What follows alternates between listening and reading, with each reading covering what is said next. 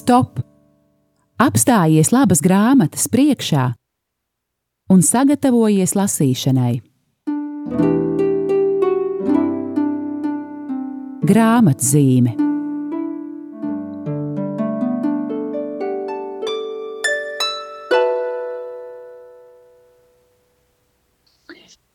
Esiet sveicināti, mīļie radio Marija Latvijas klausītāji!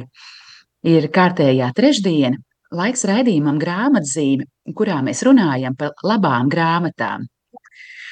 Um, ir paskrējis šis gads, šī sezona, priekšā ir skaistā vasara, un šis ir pēdējais raidījums šajā sezonā. Man liels prieks jūs uzrunāt, mīļie klausītāji. Mans vārds ir Aija Balode, Un, kā jau sacīju, runāju, mēģinu jūs ieinteresēt labās grāmatās. Studijā ir Olga Velika. Paldies Olgai par palīdzību, ka mēs varam šādi attālināti ar jums saklausīties un sadzirdēties. Um, jā, e, Priekšā ir garā vasara, un es ceru, ka um, gan man, gan arī jums būs arī kādi dīki brīži, kurus izmantot labu grāmatu lasīšanai. Un kā vienu tādu, ko es vēlos jums ieteikt, mēs esam savā e, izdevniecībā e, nocēluši no plaukta iepriekš pirms kāda laika jau izdotu brīnišķīgu, apjomīgu un ļoti saturīgu grāmatu Svētās Avīlas Terēzes dzīve. Un šo grāmatu šajā mēnesī, nākamajam mēnesim, jūnijam, mēs piedāvājam kopā ar Mieram Tuvu īpašā komplektā. Kādi Mieram Tuvu draugi jau to zina, ir katru mēnesi. Proti, aicinām lasīt mieram to kopā ar kādu iepriekš izdotu izdevumu, un jūnijā tā tad ir Avils Terēzes dzīve. Tiem, kas man skatās YouTube, parādīšu, cik ārkārtīgi skaists ir jūnija mieram tuvu nesen saņēmām. Par to jāsaka paldies eh, Signei Vanadziņai, gleznotājai, kur ir atļāvusi savu gleznu izmantot grāmatiņas noformējumam. Eh, bet eh, tiem mīļajiem klausītājiem, kas mani dzird, radio Marija ēterā un man neredz, es teikšu tā, meklējiet savu baznīcas grāmatu galdā vai, vai um, grāmatu veikalā mazu izdevumu, kas izskatās tiešām tik skaists kā tāda e, pilnasinīga saules pielieta vasaras diena. Un tas būs mazais mieram tuvu jūnija izdevums. Tiešām brīnišķīga glezna, brīnišķīga grāmatiņa. Jā, bet tātad, kā sacīju, e, jūnija komplektā e, Avīlas Terēzes dzīve. Šis ir viens no izdevumiem, par ko man kā izdevniecības vadītājai ir laime, gandarījums un milzu pagodinājums, ka mēs e, esam drīkstējuši šo grāmatu izdot. Grāmata pirmo reizi iznāca 2010. gadā, jau pirms kāda laika. Um, tie no jums, kam tā jau ir, tiešām izmantojiet šo vasaru, kad varbūt ir brīvāks laiks, pārlasiet. Avils Terēze lasa, raksta brīnišķīgi. Bet tie laimīgie no jums, kas vēl neesat iepazinušies ar Svētās Avils Terēzes rokrakstu, jā, šis ir īstais brīdis, jo patiešām um, arī par ļoti draudzīgu cenu grāmata tagad ir iegādājama. Um, kad grāmata iznāca, mums arī Radio Marija Latvija ēterā eh, notika raidījums par šo tēmu. Un toreiz es uzrunāju grāmatas tulkotāju Kristīnu Ceļmilleri. Um, tieši Kristīne, kur arī pārstāv Karmela ģimeni Latvijā, tieši Kristīnei ir jāsaka paldies par to, ka gan dzīve, gan arī citas Avīlas Terēzes grāmatas ir latviešu iznākušas, jo tieši Kristīna ir šo grāmatu tulkotāja latviešu valodā. Un eh, varbūt ieklausīsimies eh, pavisam mazā fragmentiņā no tā, tās reizes raidījuma, kur um, Kristīne uh, atbild uz jautājumu, uh, kāpēc viņas draudzene ir Avils Terēze. Un uh, Vispirms Kristīna tur min to, ka um, pats būtiskākais ir tas, ka Svētā Avils Terēze ir atzīta par baznīcas doktori. Pie tam viņa bija pirmā sieviete, kas par tādu tika atzīta. Un līdz ar to mēs varam uh, teikt, ka Terēzes rakstītais patiešām attiecas uz visiem cilvēkiem. Tas ir, nu, baznīca ir atzinusi, ka tas ir kaut kas būtisks, katram lasāms. Lūk, bet ieklausīsimies pašas Kristīnas balsī, ko viņa saka par svēto Avilas Terēzi. Kas man ļoti patīk vispār pie svētajiem un īpaši pie Avilas Terēzes, ir tas, ka uh, pie Terēzes ir redzams, kā viņa no parastas meitenes kaut no tādas uh, diezgan frivolas, no tādas viņa raksta savā dzīves sākumā, ka viņa uztrauca, vai viņai rokām ir pietiekami mīksta āda, vai viņai ir skaista frizūra, vai smaržas ir tādas tā kā vajag, vai, vai kleita ir pietiekami moderna, vai mm, viņa laimīgi aprecēsies kā viņa atverās dievam. Tas, tas nav tāds ceļš. Man reizēm liekas, ka ar mazo Terēzīti ir tā, ka mums viņa liekas jau tas starta punkts viņas dzīvē pārāk. Pārāk augstu, ka nu, viņa piedzima tādā labā kristīgā ģimenē, un viss viņai tur bija tik labi, ka mēs pat nespējam sākt. Un ka Terēza kaut kādā ziņā, ja tā var teikt, bija grēcīgāka, nu, es nevaru. Varbūt pieejamāka. Vārdu varbūt pieejamāka, bet nu, viņa pieļāva tādus grēkus, kādus uh, esam darījuši mēs visi un par to publiski paziņo, bet stāsts nav par viņas grēkiem. Stāsts ir par to, ka, lūk, te mēs sākam, bet kur mēs beigsim, nu, tas atkal ir atkarīgs no mūsu sadarbošanās ar Dieva žēlastību. Un Terēzes dzīvē ir ļoti skaidri redzams tas, kur mēs sākam labi, vai mēs beigsim turpat, kur Terēze, un kur vispār ir iespējams, cik tālu iespējas aiziet ar Dievu, uh, nu, tas ir mūsu pašu rokās. Turklāt, piemēram, lasot viņas grāmatu dzīve, viņa stāsta, kā viņa ir dzīvojusi, un viņa stāsta par lielajām garīgajām pārmaiņām, kas notika viņas dzīvē 40 gadu vecumā. Un viņa bija iestājusies klosterī, viņai bija 18 gadi. Tas nozīmē, ka viņa vairāk nekā 20 gadus jau bija pavadusi, pavadījusi klosterī, un tad viņa nonāk pie šīs atziņas, hei, bet tikai tagad man sākās īstā garīgā dzīve.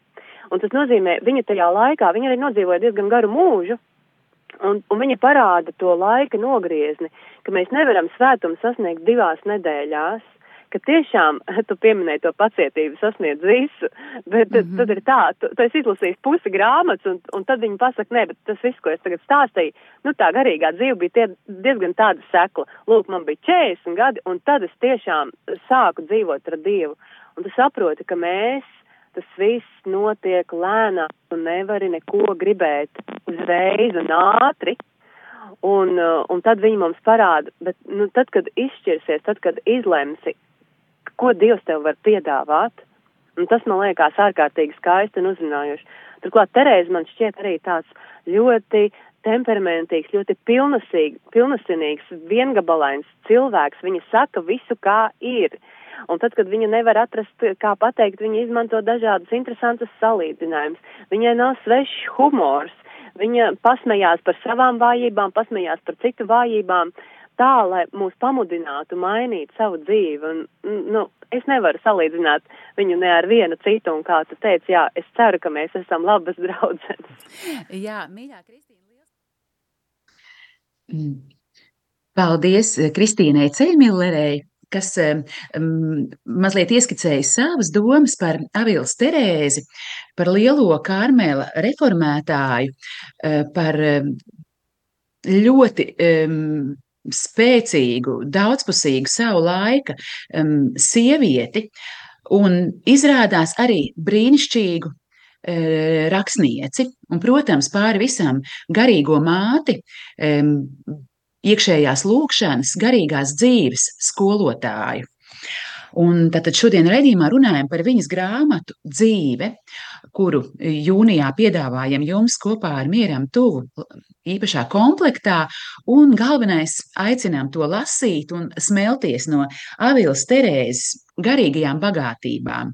E, bet tagad, lai ieskanas maza mūzikas pauzīte, un tad jau gan apskatīsim grāmatu, gan arī vērsim to vaļā un mazliet paklausīsimies, ko tad īsti Terēze mums raksta. Thank you.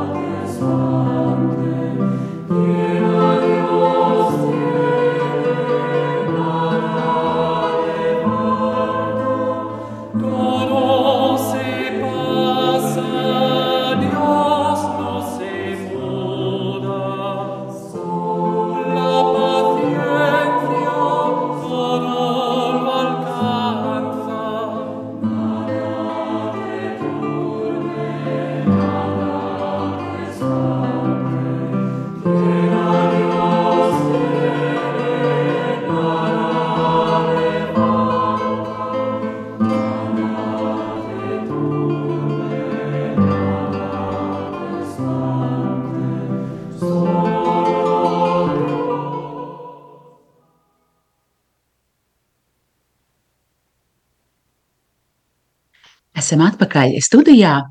Raidījums grāmatzīme, un šodien runājam par Avīlas Terēzes darbu dzīve. Uz grāmatas vāka ir attēlota Džandu Lorenzo Bernīnī brīnišķīga itāļu tēlnieka skulptūra Svētās Terēzes ekstāze. Un jāpiebilst, jā, grāmatā dzīve Avils Terēze runā tiešām par savu dzīvi, par savu bērnību, jaunību, protams, klostera gaitām. Bet šīs klostera gaitas ir caurauž arī viņas mistiskā pieredze, tostarp ekstāzes un dažādi, dažādi pārdabiska pieredze.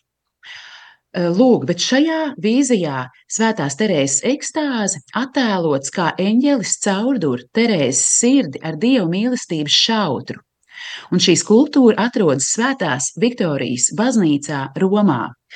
Un šīs skulptūras iedvesma ir pašas Terēzes rakstītais grāmatas dzīve 29. nodaļā. Un Terēze raksta, Es redzēju eņģeļa rokā garu zelta šautru, un man likās, ka dzelzs galā tai bija mazliet uguns. Šo šautru viņš reizēm iedūra man sirdī līdz pašiem manis dziļumiem, un kad viņš to izrāva, tad likās, ka šautrai līdzi tiek izvilkta visa mana iekšiene, un es paliku pilnībā kvēlojam lielā mīlestībā pret Dievu. Es izjūtu tik lielas sāpes, ka tās man izraisīja vaidus, un saldme, ko manī radīja šīs ārkārtīgi lielās sāpes, bija tik pārmērīga, ka to nekad nevar pārstāt vēlēties. Nedz arī dvēsele turpmāk var iztikt ar kaut ko, kas nebūtu dievs. Tās nav ķermeniskas sāpes, bet gan garīgas, lai gan arī miesai šajās sāpēs tiek sava daļa. Tik tiešām tā ir pat diezgan liela. Mīlestības pilnā saziņa starp dvēseli un dievu te ir tik salda, ka es lūdzos, lai viņš savā labestībā to dāvā nobaudīt katram, kas uzskatītu, ka es meloju. Lūk, šāds mazs fragmentiņš no grāmatas ir likts uz grāmatas atloka, lai paskaidrotu, kādēļ uz vāka ir um, izmantota Bernīnī skulptūra Svētās Terēzes ekstāze. Jā, tā tad Svētās Avīlas Terēzes dzīve tiešām e, plaša grāmata, vairāk, teju 400 lapušu, kur Terēze tātad e, paklausot saviem garīgajiem tēviem, runā gan par savu dzīvi, gan par savu um, um, garīgo pieredzi un tostarp arī mistisko pieredzi. Um, liels prieks, ka grāmatā ir arī ļoti saturīgi ievadvārdi, kuros um, Inga Reinvalde, kas arī pārstāv Karmela garīgo ģimeni Latvijā, um, arī ir brīnišķīgi aprakstījusi par Terēzi un arī par viņas kā rakstnieces talantu. Un ieklausīsimies mazliet, ko Inga Reinvalde raksta par Avīlas Terēzi un par to, kāda viņa ir rakstniece.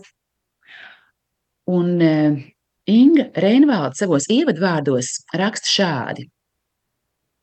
Terēze no Jēzus, jeb Terēze no Avīlas, Terēze no Jēzus, kā zināms, ir viņas klostera vārds, tā tad ir izcila rakstniece.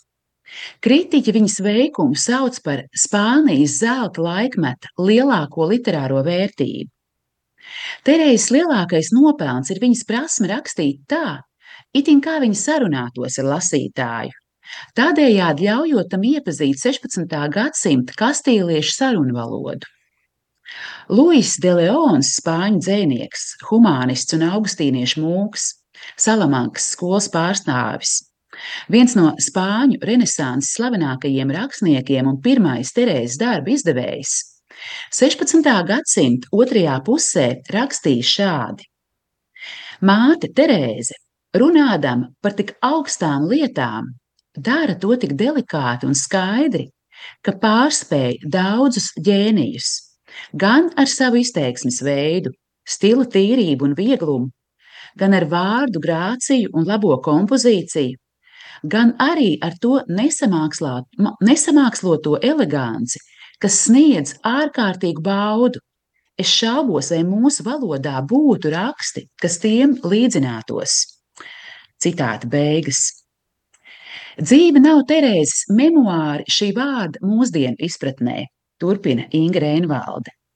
No memoāra žanra tā atšķiras jau ar to vien, ka Terēzei tiek dots uzdevums rakstīt par lūkšanas veidu un žēlastībām, ko kungs viņai ir dāvājis. Lai gan viņa pati vislabprātāk rakstītu, kā pati atzīst, par saviem lielajiem grēkiem un posta pilno dzīvi. Šis ņemts no prologa. Ar apbrīnojamu vieglumu Terēze stāsta par savām bērnu dienām, par iekšējām cīņām un aicinājumu meklēšanu, par otro atgriešanos un svētā Jāzepa klostera dibināšanu, par sastaptajiem cilvēkiem, iekšējo lūgšanu un izcilajām mistiskajām žēlastībām, kuras kungs viņai dāvā. Terēzes darbam piemīt nevien literāra, bet arī vēsturiska vērtība. Terēze savā darbā lieliski parāda 16. gadsimta Spānijas sabiedrību, tajā valdošos likumus un dzīvesveidu, inkvizīcijas varu un ietekmi, garīgo ordeņu prestižu, garīdzniecības un klosteru stāvokli. Tomēr vislielākā ir grāmatas garīgā vērtība. Ar savu darbu dzīve Terēze kļūst par dieva darbības liecinieci šajā pasaulē un ikvienā cilvēkā, kas meklē patiesību. Enrique Ljamas, Terēzes darba pētnieks un pazinējs, raksta: Šī grāmata dzīvā un iespaidīgā manierē rāda pārdabisko realitāti un ļauj iepazīt kādas citas noslēpumainas pasaules eksistenci un īstenību. Tā ir dieva un dvēseles pasaule, kurā notiek iekšēja komunikācija, draudzības komunikācija. Turklāt daudz lielākā mērā nekā varam to vēlēties un spējam iztēloties. Tā ir vienīgā dzīve, kuru ir vērts intensīvi dzīvot. Lūk, šādi savos ievadvārdos Terēzes grāmatai dzīve raksta Inga Reinvalde. Um, lai ieskanās vēl maza mūzikas pauze, un tad patiešām, kā jau solīju, ieklausīsimies pašā Avilas Terēzē.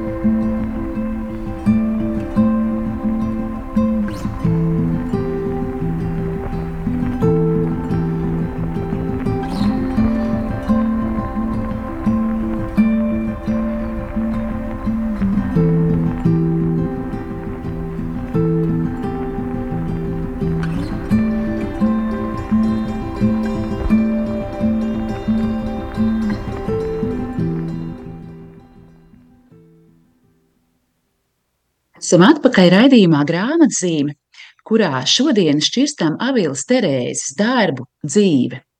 Fundamentālu, ļoti nozīmīgu sacerējumu um, visai katoliskajai baznīcai. Nevēlati Avīlas Terēze um, garīgās dzīves lūkšanas skolotāja ir atzīta par baznīcas doktori, proti baznīca atzinusi, ka viņas teiktais, viņas rakstītais ir nozīmīgs mums visiem nav tik vienkārši atrast kādu fragment no grāmatas.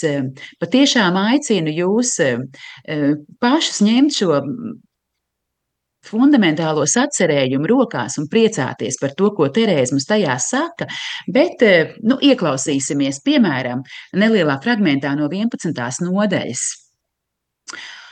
Un Terēza raksta, Tagad runāsim par tiem, kas ir ķērušies pie darba, lai kļūtu par mīlestības kalpiem. Jo man liekas, ka došanos pa lūkšanas ceļu, lai sekotu tam, kas mūs tik ļoti mīlējis, nevar nosaukt citādi kā par kalpošanu mīlestībā. Tas ir tik liels gods, ka es par to domājot, vien izjūtu neizsakāmu prieku. Ja vien mēs šajā pirmajā lūkšanas pakāpē uzvedīsimies kā pienāks, tad verdziskās bailes drīz vien zudīs. Ak, manas dvēseles kungs un viss mans labums, kāpēc gan nebija tava griba, ka dvēsele, kas apņēmusies tevi mīlēt, un kas pielikusi vislielākās pūles, lai atteiktos no visa un nodotos dievišķajai mīlestībai, tiek bez kavēšanās pacelta līdz mīlestības pilnībai. Nē, es slikti izteicos. Būtu jārunā un jāžēlojas par to, kāpēc mēs to nevēlamies. Jo, ja nevaram baudīt tik lielu godu, tad visa vaina ir vienīgi mūsējā. Tad, kad mīlestība uz Dievu ir sasniegusi pilnību, tā nes sev līdzi arī visus citus ieguvumus. Taču mēs esam tik skopi un gausi tajā, lai sevi pilnībā atdotu Dievam, ka nevaram vien beigt gatavoties, bet viņa majestāte nevēlas, lai baudām kaut ko tik vērtīgu, ja par to neesam samaksājuši augstu cenu. Skaidri redzu, ka virs zemes nav nekā tāda, ar ko varētu nopirkt šo nenovērtējamo žēlastību. Taču, ja mēs izdarītu visu, kas mūsu spēkos, lai nepieķertos zemes lietām, un ja papūlētos, lai visas mūsu rūpes un sarunas būtu par debesīm, tad man šķiet, nav šaubu, ka īsā laikā šis labums mums tiktu dāvāts, bet, lai tā notiktu, ir nepieciešams arī īsā laikā sevi sagatavot šīs žēlastības saņemšanai, kā to ir izdarījuši daži svētie. Taču mums liekas, ka esam devuši Dievam visu jau tad, kad patiesībā viņam atdodam tikai ienākumus un augļus, bet paši sev paturam gan augļu koku, gan īpašumu, kas ienākumus dod. Tā piemēram, mēs apņemamies būt nabadzīgas, un šādam lēmumam ir liela nopelni taču pēc tam bieži vien turpinam gādāt un rūpēties par to, lai mums netrūktu ne jau nepieciešamais, bet arī liekais. Un, lai to sasniegtu, mēs cenšamies iegūt draugus, kas mums dotu to, pēc kā kārojam. Un šīs rūpes, vai varbūt pat risks, par to, lai mums nekā netrūktu, ir lielāks nekā tad, kad mums bija pašām savi īpašumi. Tāpat varētu domāt, ka iestājoties klosterī un uzsākot garīgo dzīvi, kā arī pilnības meklējumos, mēs esam aizmirsuši par savu labo slavu. Bet atliek mums kaut nedaudz aizskart, kā mēs vairs nemaz neatceramies to, ka esam savu godu devuši Dievam un vēlamies to no jauna atgūt, un cenšamies, ja tā varētu teikt, izraut to no viņa rokām. Un tas, un tas viss notiek pēc tam, kad šķietam labprātīgi esam pieņēmuši Dievu par savas labās, labas kungu. Un tā tas ir arī ar visu citu. Lūk, šķiet tāds piemērs, ka patiešām Pat nav tā sajūta, ka tas ir rakstīts 16. gadsimtā. Šķiet, tiešām tāda garīga draudzene ar mums runā un ar tādu smaidu, jā, nu kā tas nākas. Nu, proti, viņi uzzinā, protams, savas klosteru māsas, kas ir no, atteikušās no laicīgās dzīves, no savu goda, no īpašumiem.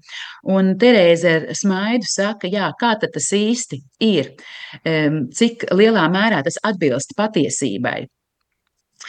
Kā jau minēju, grāmatā ir arī daudz Terēzes mistiskās pieredzes, viņu vīz, viņas vīziju, e, viņas tikšanos ar Dievu, arī ar svētajiem pieredzes apraksti.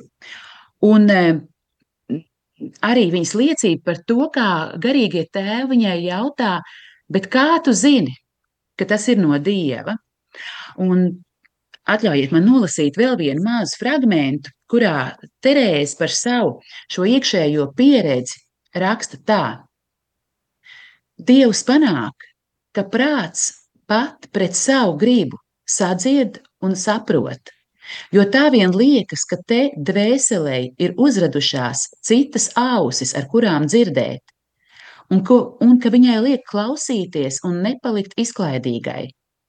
To var salīdzināt ar cilvēku, kurš labi dzird un kuram neļauj aizbāzt ausis. Ja viņam līdzās runā skaļā balsī, viņš to dzirdēs, bet tāds cilvēks vēl dara vismaz tik daudz, ka pievērš uzmanību un klausās.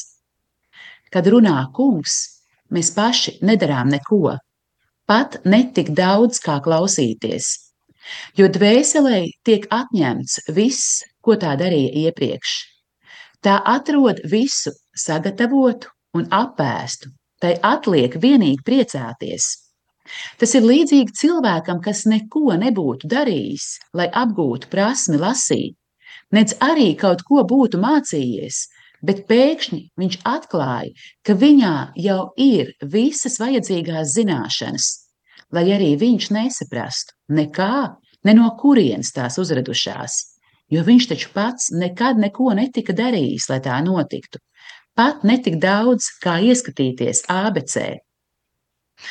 Šis pēdējais salīdzinājums man šķiet kaut kādā mērā paskaidro, kāda ir šī debesu dāvana.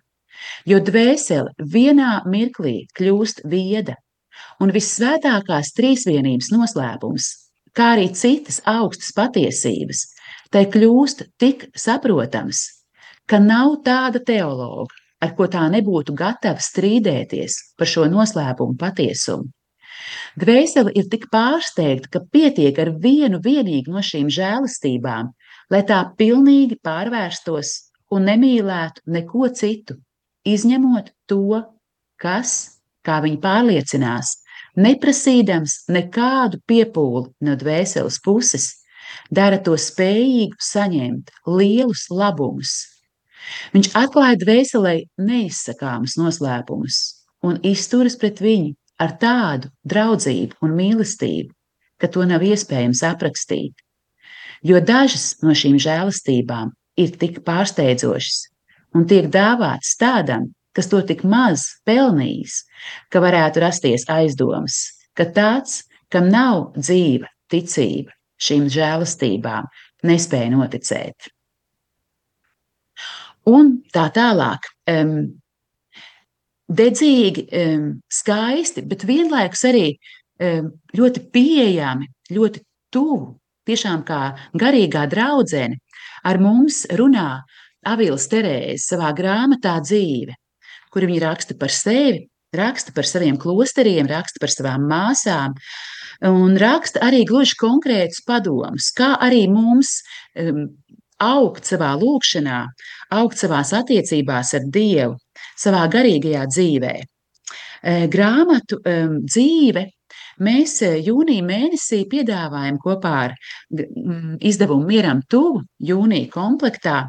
Tiešām no sirds iesaku vai nu savā grāmatu galdā to atrast, vai ieiet www.mieram.lv mājaslapā, atrast sadaļu veikals un to iegādāties. Un, lai um, šajā jūnija mēnesī, kurā drīz mēs ieiesim, Jums ir patiešām kādi dīki, brīži, ko aizpildīt ar labu, pat ļoti labu, izcilu garīgo lasām vielu.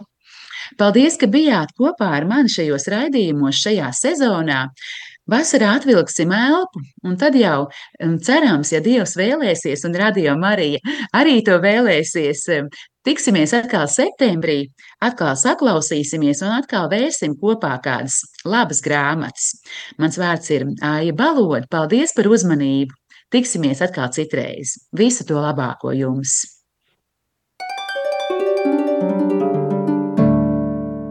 Stop!